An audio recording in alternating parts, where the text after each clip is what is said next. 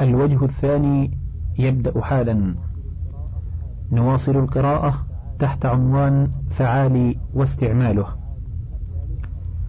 الثالث الصفة المؤنثة. ولم يجئ في صفة المذكر. وجميعها تستعمل من دون الموصوف. وهي بعد ذلك على ضربين. إما لازمة للنداء سماعا نحو يا لكاعي أي يا لكعاء. ويا فساقي ويا خباثي أي يا فاسقة ويا خبيثة ويا رطابي ويا دفاري وكذا يا خصافي ويا حباقي كلاهما بمعنى الضراقة ويا خزاقي من الخزق وهو الذرق. ولا تجيء هذه اللازمة للنداء علما للجنس أي لا تكون بسبب الغلبة في موصوف بحيث تصير علما له كالصعق. ونحوه على ما يجيء في الأعلام. وإما غير لازمة للنداء وهي على ضربين أحدهما ما صار بالغلبة علما جنسيا كما في أسامة وهو الأكثر وذلك نحو حلاقي وجباذي للمنية. كانت في الأصل صفة عامة لكل ما يحلق به ويجبذ أي يجذب. ثم اختصت بالغلبة بجنس المنايا. وكذا حناذي وبراحي للشمس من الحنذ وهي الشي والبراح وهو الزوال.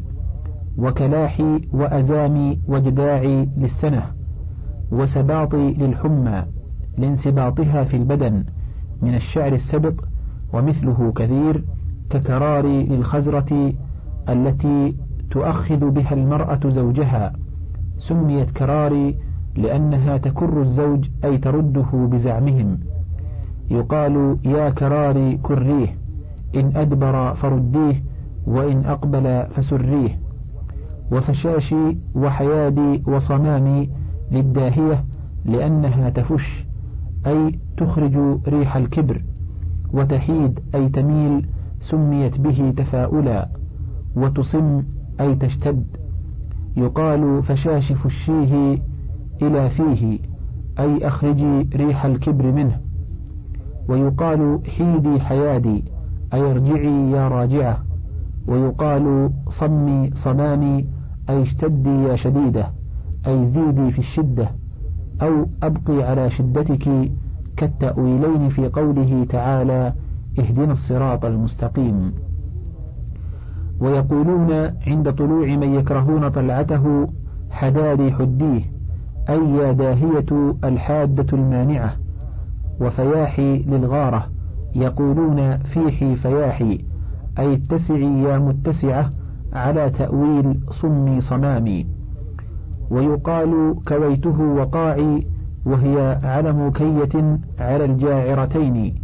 وانتصابها على المصدر من كويته أي كية واقعة لازمة ويقال طماري للمكان المرتفع كأنها طامرة أي واثبة ويقال للضبع قثامي وجعاري وفشاحي من القثم وهو الجمع ومن الجعر ومن الفشح وهو تفريج ما بين الرجلين. فهذه وأمثالها أعلام للجنس بدليل وصفها بالمعرفة نحو حناد الطالعة. ولو لم تكن معارف لم يجز حذف حرف النداء معها.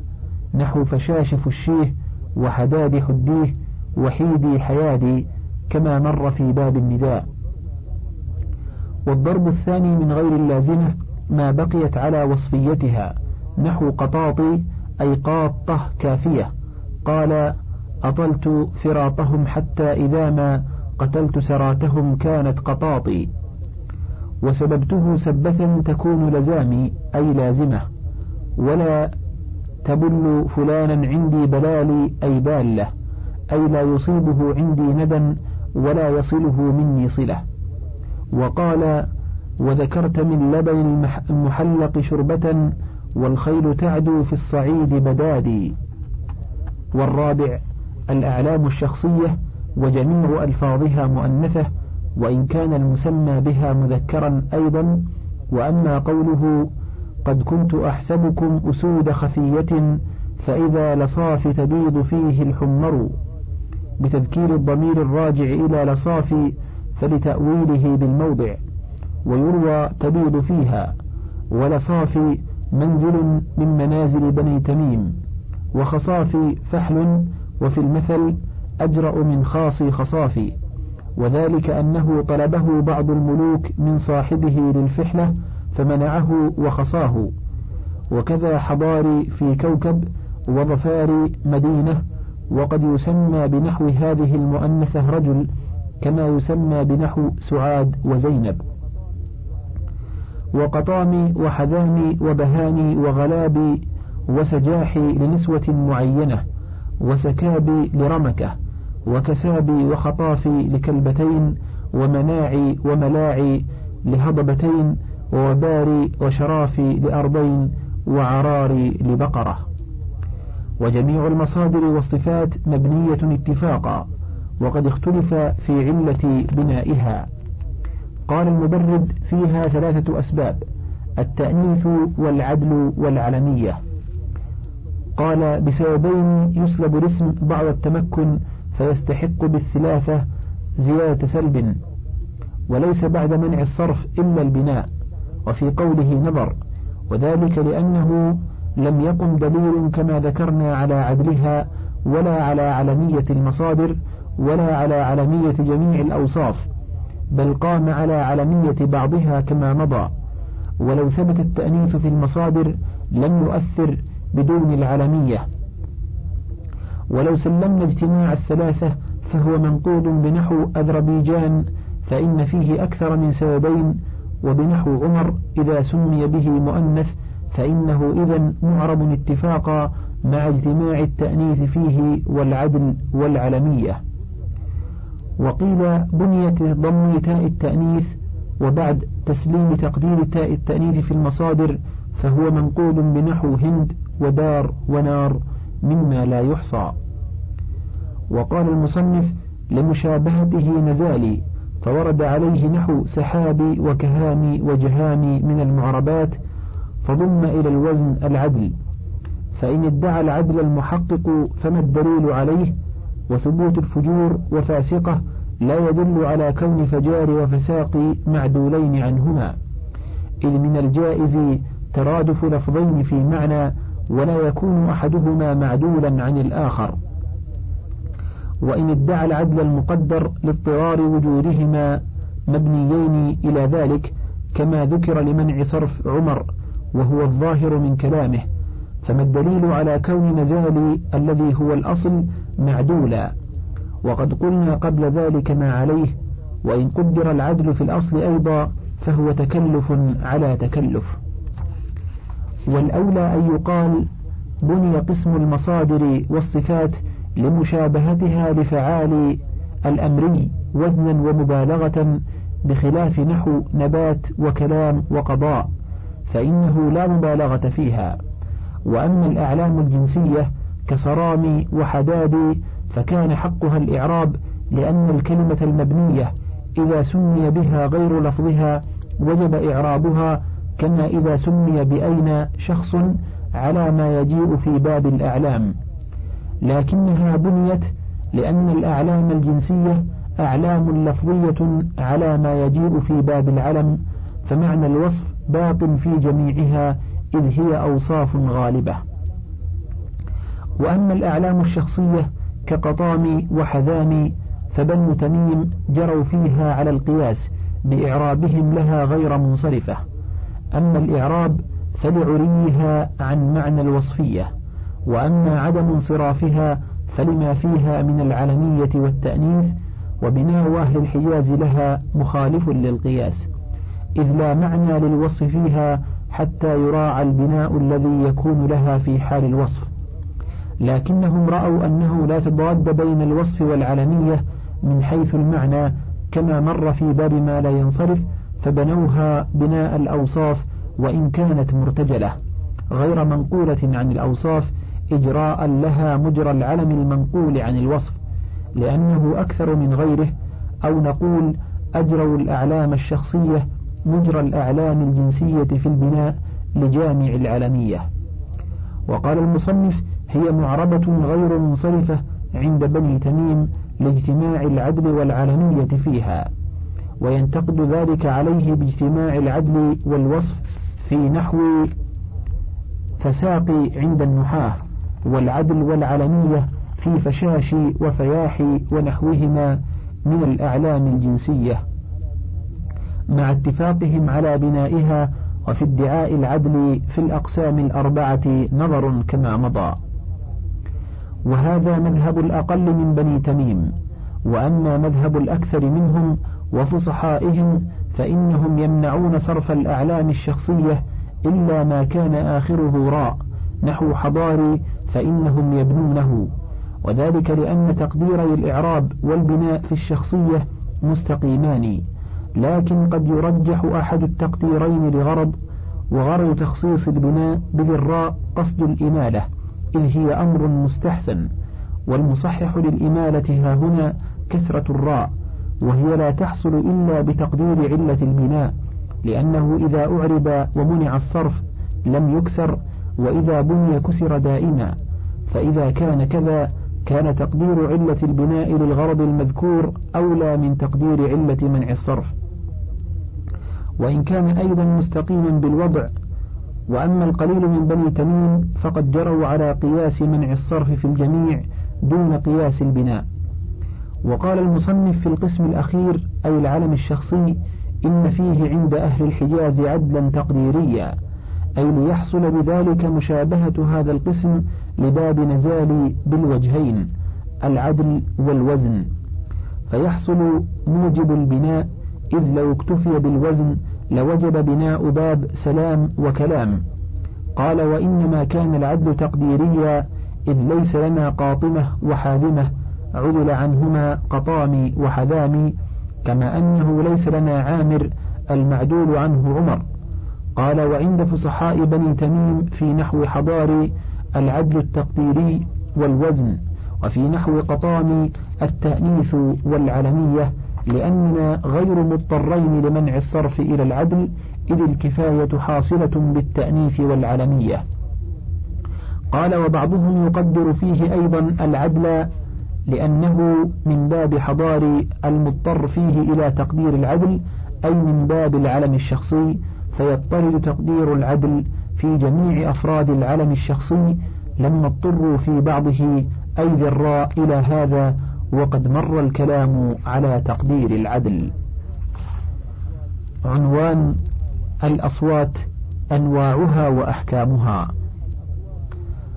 قوله الأصوات كل لفظ حكي به صوت أو صوت به للبهائم فالأول كغاطي والثاني كنخ. اعلم أن الألفاظ التي تسميها النحاة أصواتا على ثلاثة أقسام. أحدهما حكاية صوت صادر إما عن الحيوانات العجم كغاطي أو عن الجمادات كطق. وشرط الحكاية أن تكون مثل المحكي. وهذه الألفاظ مركبة من حروف صحيحة محركة بحركات صحيحة وليس المحكي كذلك لأنه شبه مركب من الحروف وليس مركبا منها. إذ الحيوانات والجمادات لا تحسن الإفصاح بالحروف إحسان الإنسان. لكنهم لما احتاجوا إلى إيراد أصواتها التي هي شبه المركب من الحروف في أثناء كلامهم أعطوها حكم كلامهم من تركيبها من حروف صحيحة لأنه يتعسر عليهم أو يتعذر مثل تلك الأجراس الصادرة منها. كما أنها لا تحسن مثل الكلام الصادر من جنس الإنس إلا في النادر كما في الببغاء فأخرجوها على أدنى ما يمكن من الشبه بين الصوتين. أعني الحكاية. والمحكي قضاء لحق الحكاية أي كونها كالمحكي سواء فصار الواقع في كلامهم كالحكاية عن تلك الأصوات. وثانيها أصوات صادرة عن فم الإنسان غير موضوعة وضعا بل دالة طبعا على معان في أنفسهم كأف وتف فإن المتكره لشيء يخرج من صدره صوتا شبيها بلفظ أف ومن يبزق على شيء مستكره يصدر منه صوت شبيه بلفظ تف وكذلك آه للمتوجع أو المتعجب. فهذه وشبهها أصوات صادرة منهم طبعا كأح للسعال إلا أنهم لما ضمنوها كلامهم لاحتياجهم إليها نسقوها نسق كلامهم وحركوها بتحريكه وجعلوها لغات مختلفة كما مر من لغات أف وأوة. وثالثها أصوات يصوت بها للحيوانات عند طلب شيء منها إما المجيء كألفاظ الدعاء نحو جوت وقوس ونحوهما وإما الذهاب كهلا وهج ونحوهما وإما أمر آخر كسأ للشراب وهدع للتسكين. وهذه الألفاظ ليست مما تخاطب به هذه الحيوانات العجم حتى يقال إنها أوامر أو نواه كما ذهب إليه بعضهم لأنها لا تصلح لكونها مخاطبة لعدم فهمها للكلام كما قال الله تعالى كمثل الذي ينعق بما لا يسمع إلا دعاء. بل كان أصلها أن الشخص كان يقصد انقياد بعض الحيوانات لشيء من هذه الأفعال فيصوت لها إما بصوت غير مركب من الحروف كالصفير للدابة عند إيرادها الماء وغير ذلك وإما بصوت معين مركب من حروف معينة لا معنى تحته ثم يحرضه مقارنا لذلك التصويت على ذلك الأمر إما بضربه وتأديبه وإما بإيناسه وإطعامه. فكان الحيوان يمتثل المراد منه إما رهبة من الضرب أو رغبة في ذلك البر. وكان يتكرر مقارنة ذلك التصويت لذلك الضرب أو البر إلى أن يكتفي الطالب بذلك الصوت عن الضرب أو البر. لأنه كان يتصور الحيوان من ذلك الصوت ما يصحبه من الضرب أو ضده فيمتثل عقيب الصوت عادة ودربة فصار ذلك الصوت المركب من الحروف كالأمر والنهي لذلك الحيوان. وإنما وضعوا لمثل هذا الغرض صوتا مركبا من الحروف ولم يقنعوا بساذج الصوت لأن الصوت من حيث هو متشابه الأفراد وتمايزها بالتقطيع والاعتماد بها على المخارج سهل. فلما كانت الأفعال المطلوبة من الحيوانات مختلفة أرادوا اختلاف العلامات الدالة عليها فركبوها من الحروف وما ذكرنا من الترتيب يتبين من كيفية تعليم الحيوانات كالدب والقرد والكلب وغير ذلك. هذا وأنا لا أرى منعا من ارتكاب سيرورة هذه الأصوات المقارنة في الأصل للضرب أو البر. لما استغني بها لما استغنى بها الطالب عنهما أسماء أفعال بمعنى الأمر كما ذهب إليه بعضهم فتكون أوامر ونواهي لأن الله سبحانه وتعالى جعل الأجماوات في فهم المطلوب من هذه الأصوات بمنزلة العقلاء فلا بأس بأن تخاطب وتكلم بما تفهمه كالعقلاء. ثم نقول إنما سميت الأقسام الثلاثة أصواتا وإن كان غيرها من الكلام أيضا صوتا لأن هذه في الأصل إما أصوات ساذجة كحكاية أصوات العجماوات والجمادات أو أصوات مقطعة معتمدة على المخارج لكنها غير موضوعة لمعان كالألفاظ الطبيعية وكما يصوت به للحيوان. وهذه الأقسام الثلاثة ليست في الأصل كلمات إذ ليست موضوعة فسميت باسم ساذج الصوت. فقيل أصوات ثم جعلت الثلاثة بعد هذا الأصل لاحتياجهم إلى استعمالها في أثناء الكلام كالكلمات فعاملوها معاملتها وألحقوها بأشرف الكلمات أي بالأسماء ليكون أدل على دخولها في ظاهر أقسام الكلمات. فصرفوها تصريف الأسماء فيدخل التنوين الذي هو من أخص علامات الأسماء في بعضها نحو غاط وأف والألف واللام في بعضها. وذلك إذا قصدوا لفظ الصوت لا معناه كقوله باسم الماء وقوله كما رعت بالجوت فهو كقولك أمرته بضرب أي بهذا اللفظ.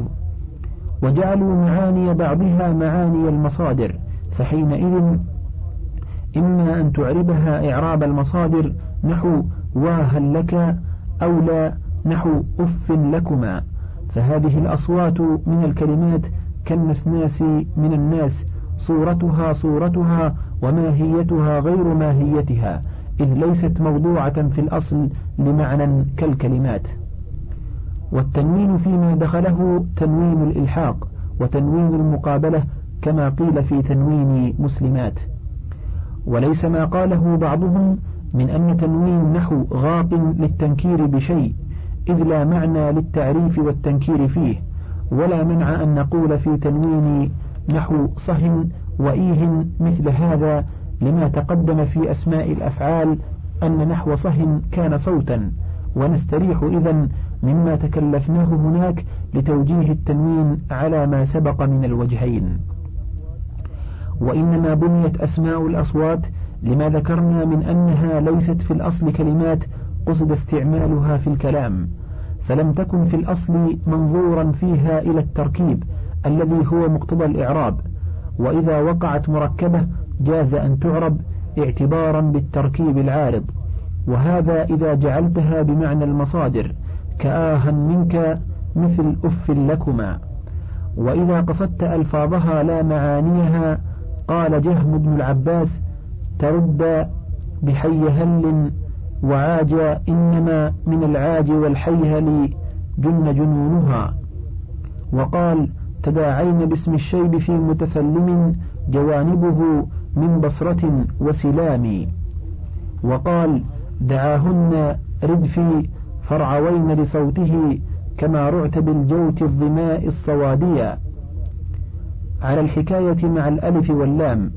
وتقول زجرته بهيدا وبهيد. وهذا كما تقول في الكلمات المبنية إذا قصدت ألفاظها ليت شعري وأين مني ليت إن ليتا وإن لوا عناء.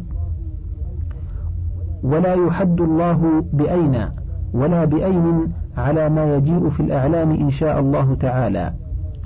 والإعراب مع اللام أكثر من البناء نحو من العاج والحيهل بالجر.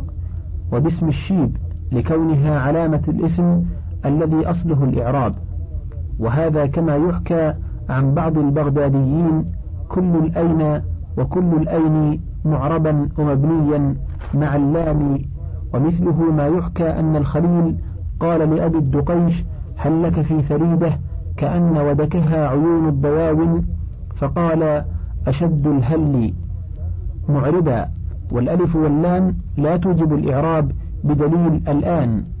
والذي والخمسة عشر. وأما إذا أدخلت التنوين في هذه الأسماء فإن قصدت بها ألفاظها كقوله بحي هل وعاج فإعرابها واجب لأنه إذا تنوين التمكين. وإن أدخلته من غير هذا القصد كما في غاط وصهن فهي مبنية لأنه تنوين الإلحاق والمقابلة لا تنوين التمكن كما مر. هذا هو الكلام عليها إجمالا. وأما الكلام عليها تفصيلا فنقول من الأصوات التي هي حكاية عن أصوات الإنسان أو العجماوات أو الجمادات. طيخ وهو حكاية صوت الضاحك. وعيط حكاية صوت الفتيان إذا تصايحوا في اللعب. وغاطي بكسر القاف. وقد ينون وهو صوت الغراب. وشيب حكاية صوت مشافر الإبل عند الشرب. ومنها ماء بميم ممالة. وهمزة مكسورة بعد الألف. وقيل هو بهمزة ساكنة وميم مفتوحة صوت الظبية إذا دعت ولدها وطاقي بكسر القاف وطق كلاهما حكاية صوت وقع الحجارة بعضها على بعض وقد حكاية وقع السيف على الضريبة. ومن الأصوات التي يصوت بها للبهائم هلا لزجر الخيل أي توسعي في الجري وقد تزجر به الناقة أيضا. وعدس لزجر البغل وقد سمي به بغل. وفي قوله عدس ما لعباد عليك إمارة نجوت وهذا تحملين طليق. زجر وليس باسم البغل وإلا لم يسكن آخره إلا أن يقال أجرى الوصل مجرى الوقف. وهيدا زجر للإبل بكسر الهاء وفتحها وكذلك الدال بلا تنوين ففيه أربع لغات وهذا بفتح الدال بمعناه وقد أعربهما الشاعر لما قصد اللفظ فقال حتى استقامت له الآفاق طائعة فما يقال له هيد ولا هاد أي لا يمنع من شيء ولا يزجر عنه. ويقال أتاهم فما قالوا له هيد ولا هاد أي لم يسألوه عن حاله.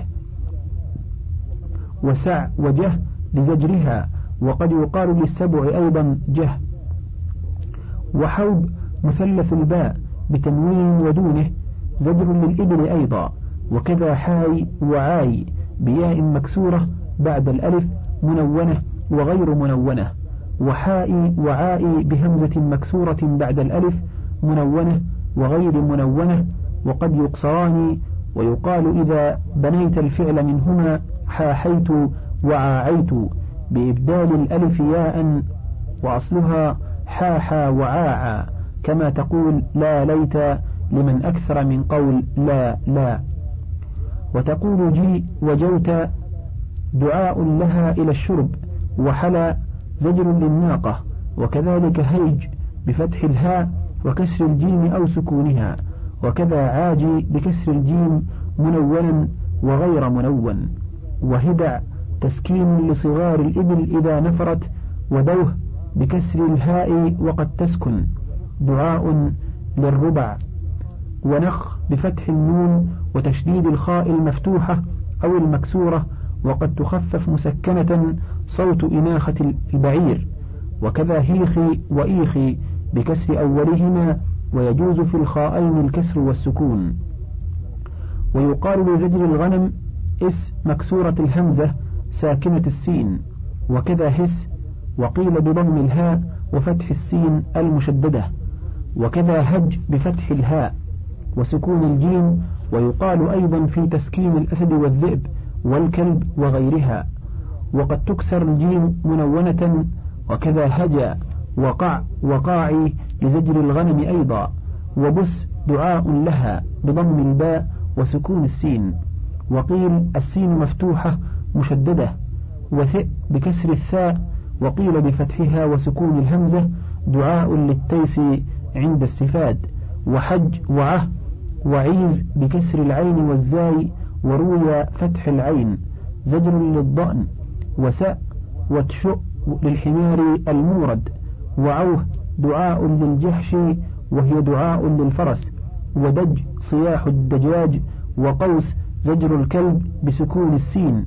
وقس دعاء له وده بفتح الدال وسكون الهاء أو تشديدها زجر مطلقا بمعنى اضرب وأصله فارسي. وقد جعلت بمعنى مراعا أصلها في البناء في قولهم إلا ده فلا ده.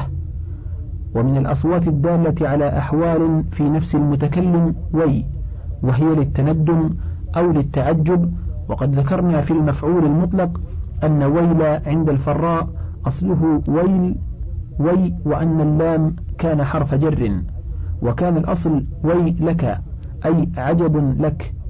ثم كثر استعماله معه حتى ركب, ركب معه وصار لام الفعل وصار ويلك كقولك ويلا وويل. ومذهب غيره أن ويل وويح وويس وويب كلمات برأسها بمعنى الهلاك وأنها مصادر لا أفعال لها. وقولهم ويل به يروى بكسر اللام وضمها فالضم على وجهين إما أن يقال الأصل ويل أمه مبتدأ محذوف الخبر أي هلاكها حاصل أي أهلكها الله وهذا كما يقال في التعجب قاتله الله. فإن الشيء إذا بلغ غايته يدعى عليه صونا له عن عين الكمال. كما قال رمى الله في عيني بثينة بالقذى وفي الغر من أنيابها بالقوادح. وقولهم قاتله الله من شاعر. فحذفت الهمزة على غير القياس تخفيفا لما صار ويل أمه ككلمة واحدة مفيدة لمعنى عجبا. انتهى الشريط السابع من القسم الثاني من كتاب شرح الكافية وللكتاب بقية على الشريط الثامن.